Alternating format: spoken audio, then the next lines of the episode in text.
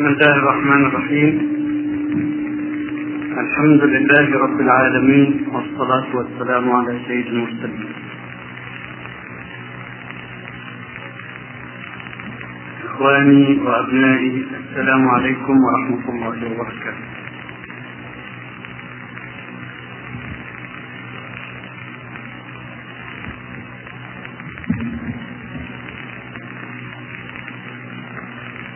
في كل عام يكون لنا لقاء أو لقاءات. وفي مرة سابقة اخترنا موضوع التربية الإسلامية. ليكون موضوع سلسلة من المحاضرات تلقى في هذه الساعة. وفي هذه السنة اخترت أن يكون عنوان السلسلة التي نقوم بها دراسات قرآنية. وما أكثر ما كتب وما أكثر ما يقال عن القرآن الكريم. وما أظن كتابا في تاريخ البشرية حظي من الاهتمام والرعاية والحفظ بما حظي به هذا الكتاب الكريم.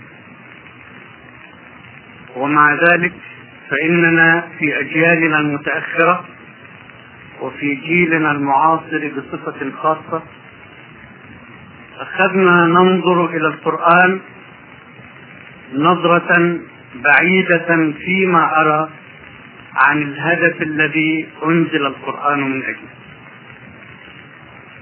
منذ قديم اتجهت كتابات النقاد العرب إلى البلاغة إلى الإعجاز البياني أو الإعجاز اللفظي في القرآن.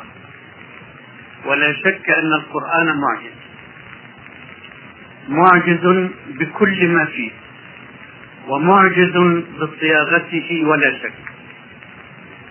ولكن الاهتمام البالغ الذي أعطاه النقاد العرب وعلماء البلاغة لهذا الجانب من القرآن ربما يكون قد صرف الناس شيئا من الصرف عن الهدف الأسمى الذي نزل القرآن من أجله.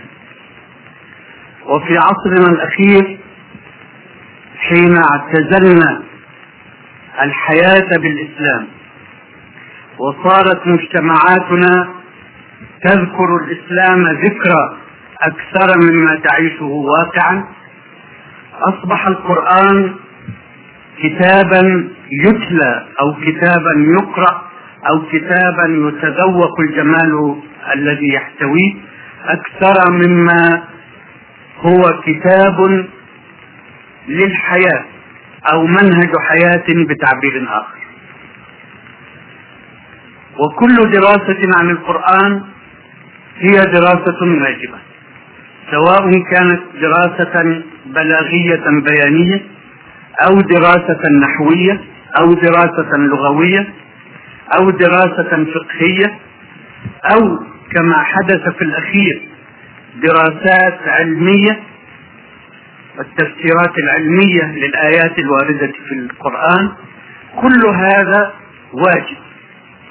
وينبغي على المسلمين أن يعكفوا على دراسة هذا الكتاب من كل جوانبه وألا يتركوا جانبا من جوانب هذا الكتاب العظيم المعجز إلا درسوها وتبحروا فيها. ولكني أرى كما قلت أننا بسبب عزلتنا التدريجية عن حقيقة الإسلام وكون الإسلام أصبح ذكرى في نفوسنا أكثر مما هو واقع يعاش أن القرآن أو الدراسات القرآنية تعاني نفس الظاهرة فهو فهي دراسات بعيدة عن واقع الحياة دراسات ذهنية أو دراسات جمالية أو دراسات فلسفية أو دراسات فقهية. أما القرآن ككتاب هداية القرآن كمنهج للحياة فقليلا ما نلتفت إليه. يقول الله سبحانه وتعالى في سورة البقرة في مفتتحها أعوذ بالله من الشيطان الرجيم. بسم الله الرحمن الرحيم. ألف لام ميم. ذلك الكتاب لا ريب فيه هدى للمتقين. فهذا كتاب هداية. إن هذا القرآن يهدي للتي هي أقوم ولقد كان كذلك في عصوره الأولى. يوم كان المسلمون يعيشون الإسلام واقعا كان القرآن بالنسبة إليهم هو دستور الحياة من ناحية وهو كتاب التربية من ناحية أخرى. أما حين تقدمت بهذه الأجيال السنون حين انسلخ من عمر الإسلام عشرة قرون أو نحو ذلك وابتعد المسلمون تدريجيا عن الحياة بالقرآن صار الإسلام كتابا للتملي وللتذوق وللتلاوة بعيدا عن التطبيق العملي. ونريد في هذه السلسلة بإذن الله أن نعيش مع القرآن. نحاول أن نعيش معه حياة كاملة. أن نتتبع دروسه. التربوية دروسه التوجيهية. نتتبع منهج الحياة كما يرسمه القرآن. وسنجد حين نصنع ذلك أن الإعجاز البياني جزء من هذا الدين وأن الفقه والشريعة جزء من هذا الدين وأن التربية جزء من هذا الدين وأن التوجيه العلمي جزء من هذا الدين وجزء من هذا الكتاب الكريم. وأننا إذا أصبنا في أي جانب على حساب الجوانب الأخرى لا نكون قد خدمنا هذا الكتاب. إنما نخدمه بأن نعيشه كله ونعيشه من كل جوانبه بقدر ما نستطيع. حين يكتب كتاب في الجمال الذي يحتويه التعبير القرآني وهم بلا شك يكتبون في موضوع قرآني. ولكن هذا الجمال الذي نزل للتحدي لم يكن ينبغي أن يصرف السامعين عن حقيقة هذا الكتاب الموضوعي. نعم إنه جميل وإن جماله معجز ولا يوجد كتاب في تاريخ العربية ولا في تاريخ البشرية كلها يحمل من الإعجاز التعبيري ما يحمله هذا الكتاب. ولكن فلنسأل أنفسنا هل كان الجمال حاملا لموضوع آخر أم كان هو الموضوع؟ فإذا سألنا هذا السؤال فسنجد ولا شك أن الجمال وسيلة لحمل ما يحمله القرآن من معاني وليس هو المقصود بالذات حتى نصرف فيه هذا الجهد الذي صرفه علماء البلاغة العرب والذي ما زال يكتب فيه كتاب إلى هذه اللحظة يظنون أنهم بكتابتهم هذه يخدمون القرآن. وإنهم لا يخدمون القرآن حقا إذا جعلوا من هذا الجمال وسيلة إلى العبور إلى موضوعات القرآن. أما أن يجعلوا كل همهم الكتابة أو الحديث عن الإعجاز الفني فهذا كمن يدور حول بيت جميل جميل البناء فيقف عند كل حجر وعند كل زاوية من زواياه ثم يأبى أن يدخل نعم البناء جميل. وإنه لا يستحق أن نقف عنده لنتملى هذا الجمال. أما أن يصرفنا الوقوف عن الدخول إلى داخل الدار ومعرفة ما تحتويه الدار فإننا حينئذ بكل إعجابنا بالدار لا نكون قد وفيناها حقا. حقا القرآن ولله المثل الأعلى ولكتابه المثل الأعلى. كتاب جميل.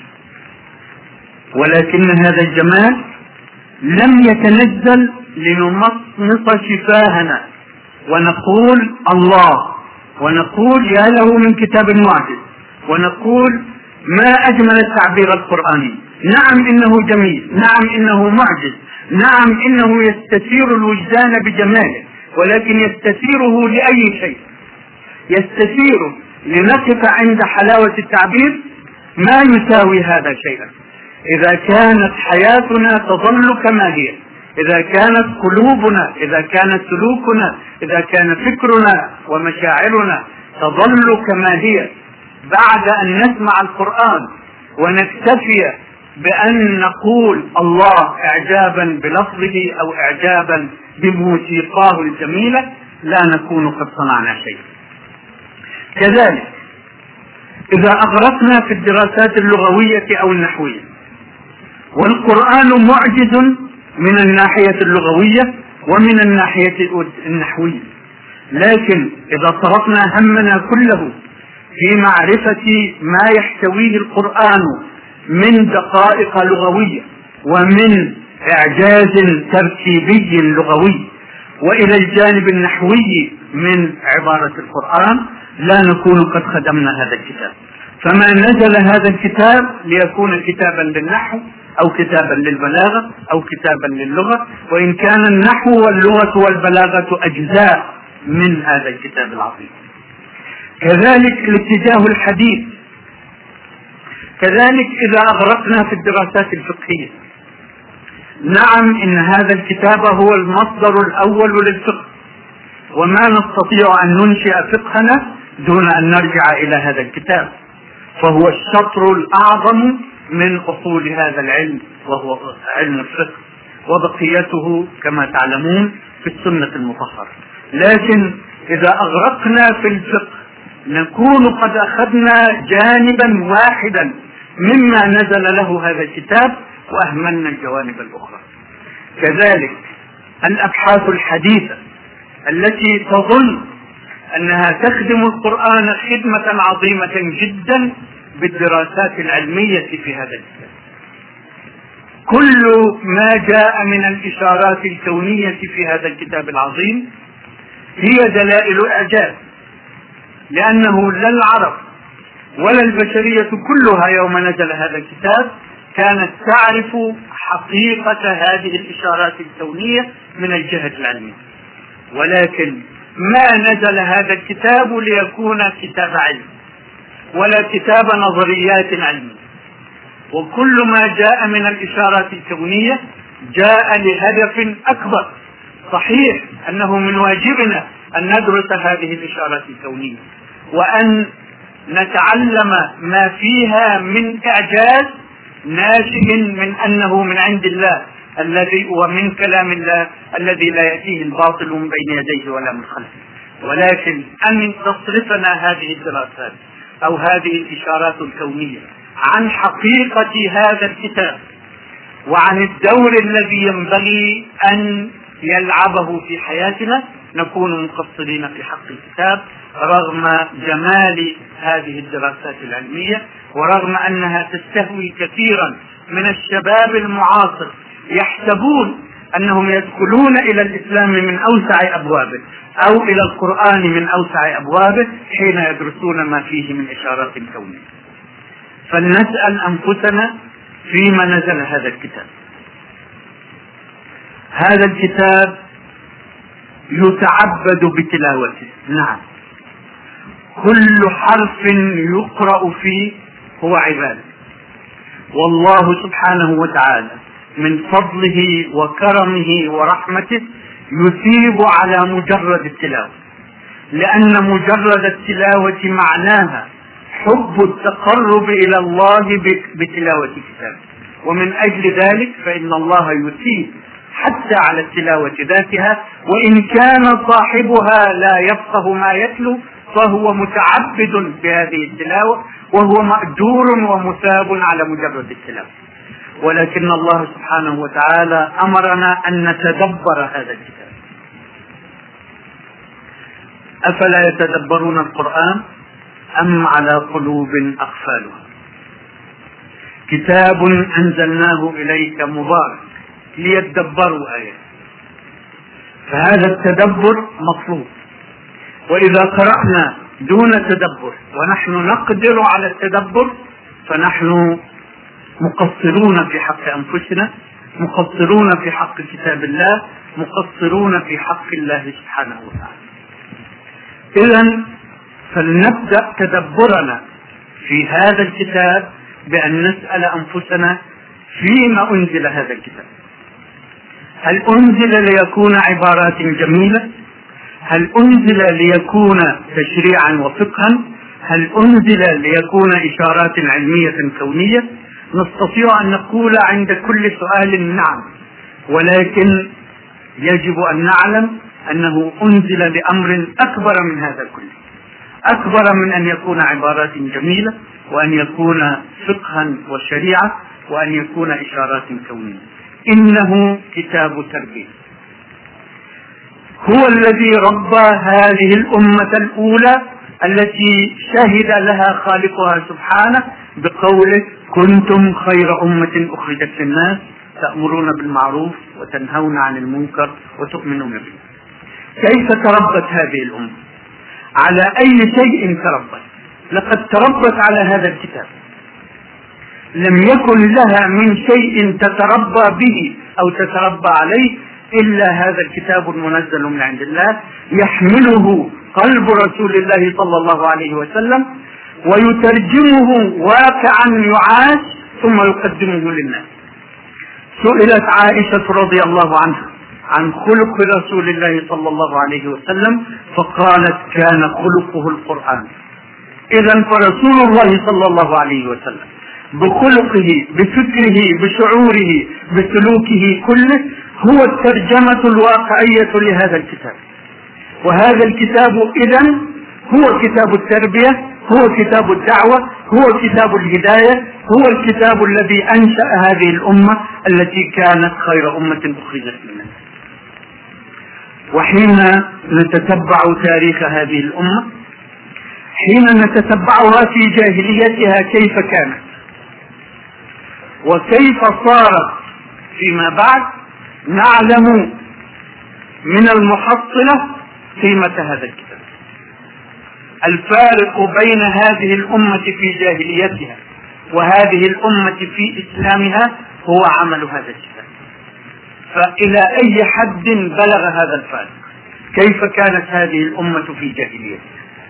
كانت شتاتا متناثرة لا يلتقي ولا يستطيع أن يلتقي مع إن مع أن عنده كل مقومات التجمع أرض واحدة.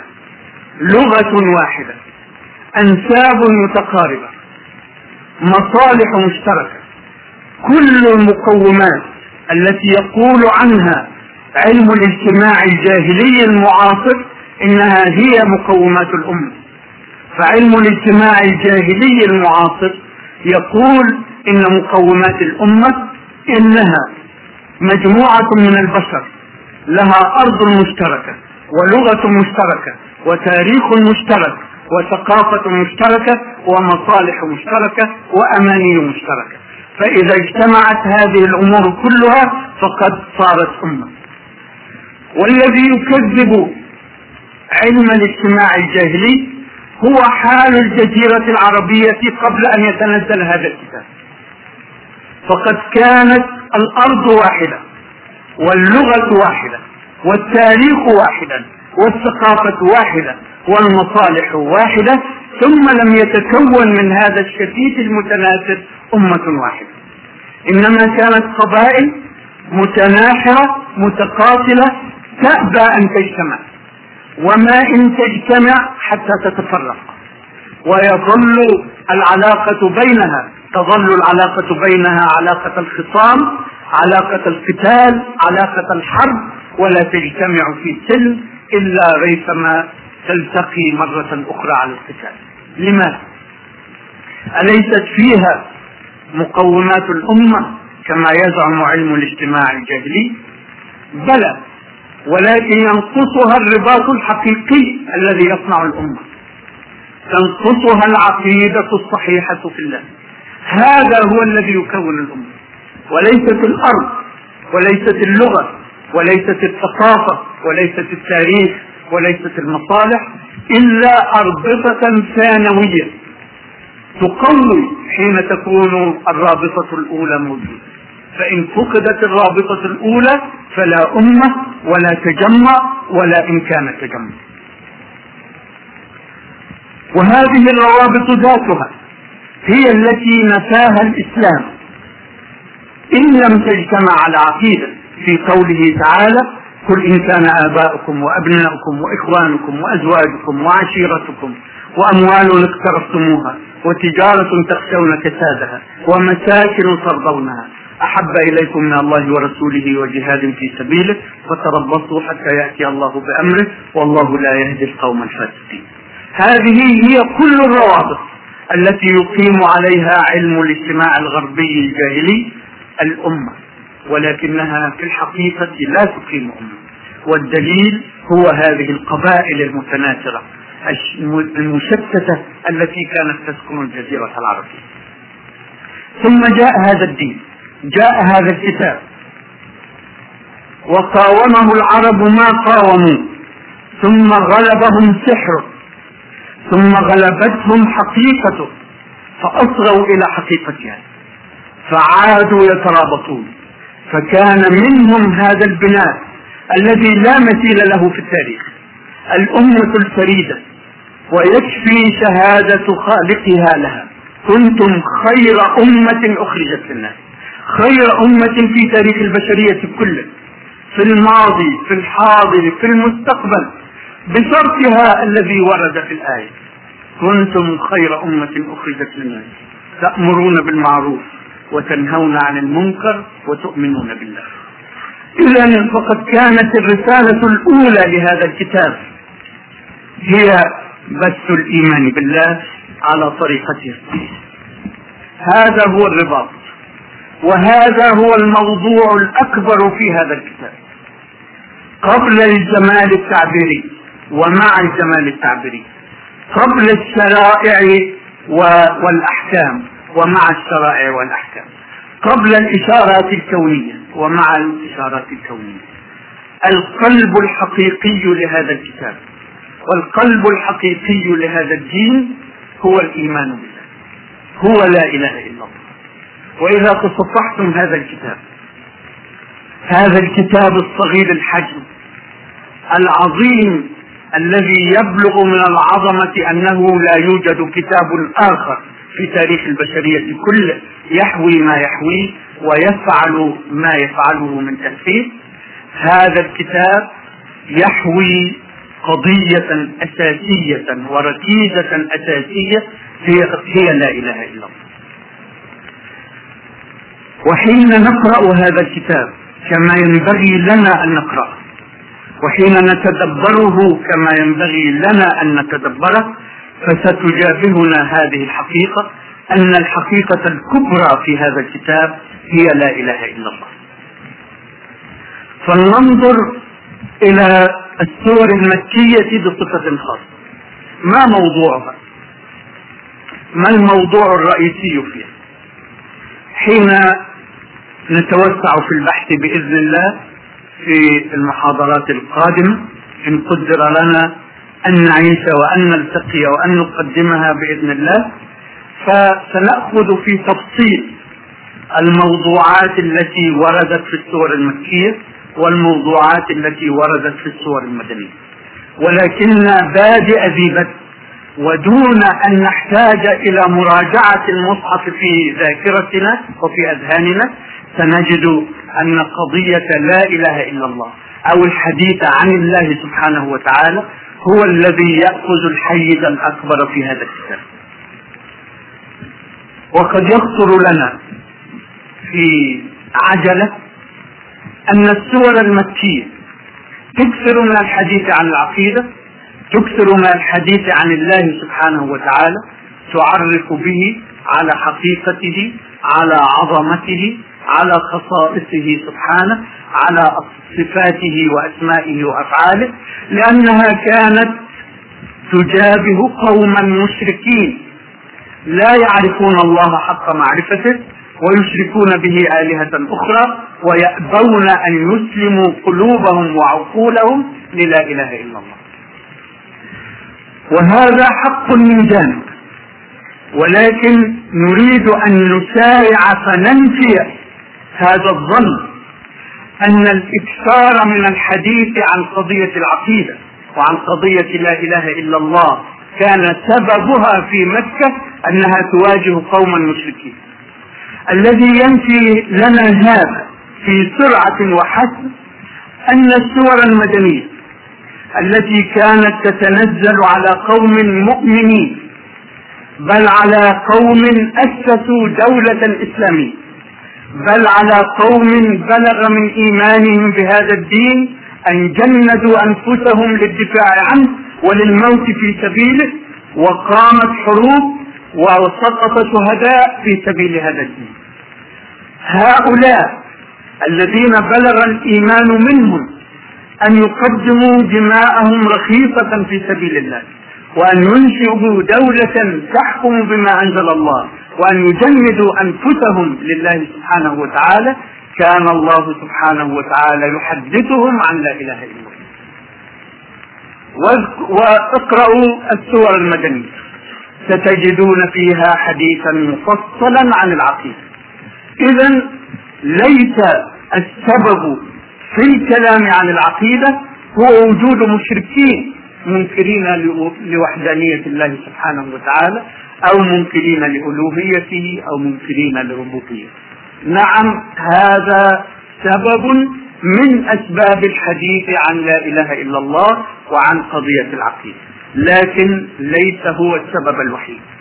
يقول الله سبحانه وتعالى في السورة المدنية في سورة النساء يا أيها الذين آمنوا آمنوا بالله ورسوله. إذا هو نداء للمؤمنين بالفعل. يقول لهم آمنوا. فما معنى قول الله سبحانه وتعالى للذين آمنوا؟ آمنوا بالله ورسوله. أولم يكونوا مؤمنين؟ بلى. ولكن يقول الله سبحانه وتعالى لهم استمسكوا بإيمانكم. عضوا عليه بالنواجذ. لا تفرطوا فيه. لا تنسوه. لا تجعلوا شيئا من الأشياء يصرفكم عنه. ويعلم الله سبحانه وتعالى من طبيعة هذه النفس البشرية أنه لا يكفي أن تذكر مرة ثم يترك الحديث. ولو علم الله سبحانه وتعالى أنه يكفي في الحديث عن العقيدة كلمة عابرة أو درس عابر أو مجموعة من الدروس ما نزل حديثا في العقيدة للمؤمنين بالفعل. الذين آمنوا وارتبطت قلوبهم بهذا الدين وصار إيمانهم من الحيوية والفاعلية بحيث قامت هذه الأمة التي لا مثيل لها في التاريخ وقامت الحكومة الإسلامية التي لا مثيل لها في التاريخ حكومة رسول الله صلى الله عليه وسلم وجند لها من أرواح المؤمنين وقلوبهم ما لم يجند لدولة في تاريخ البشرية. مع هذا كله يتحدث هذا الكتاب العظيم عن لا إله إلا الله. انظروا في سورة آل عمران وهي سورة مدنية.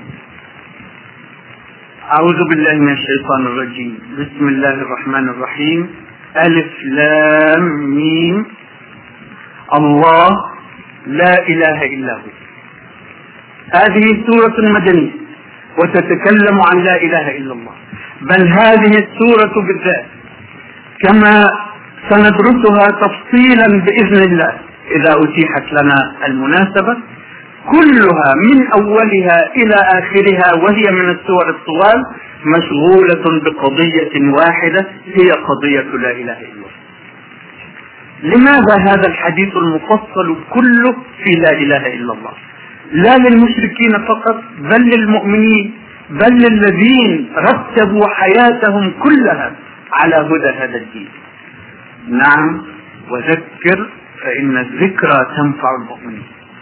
لا بد للنفس البشرية من تذكير تذكير بالله وباليوم الآخر.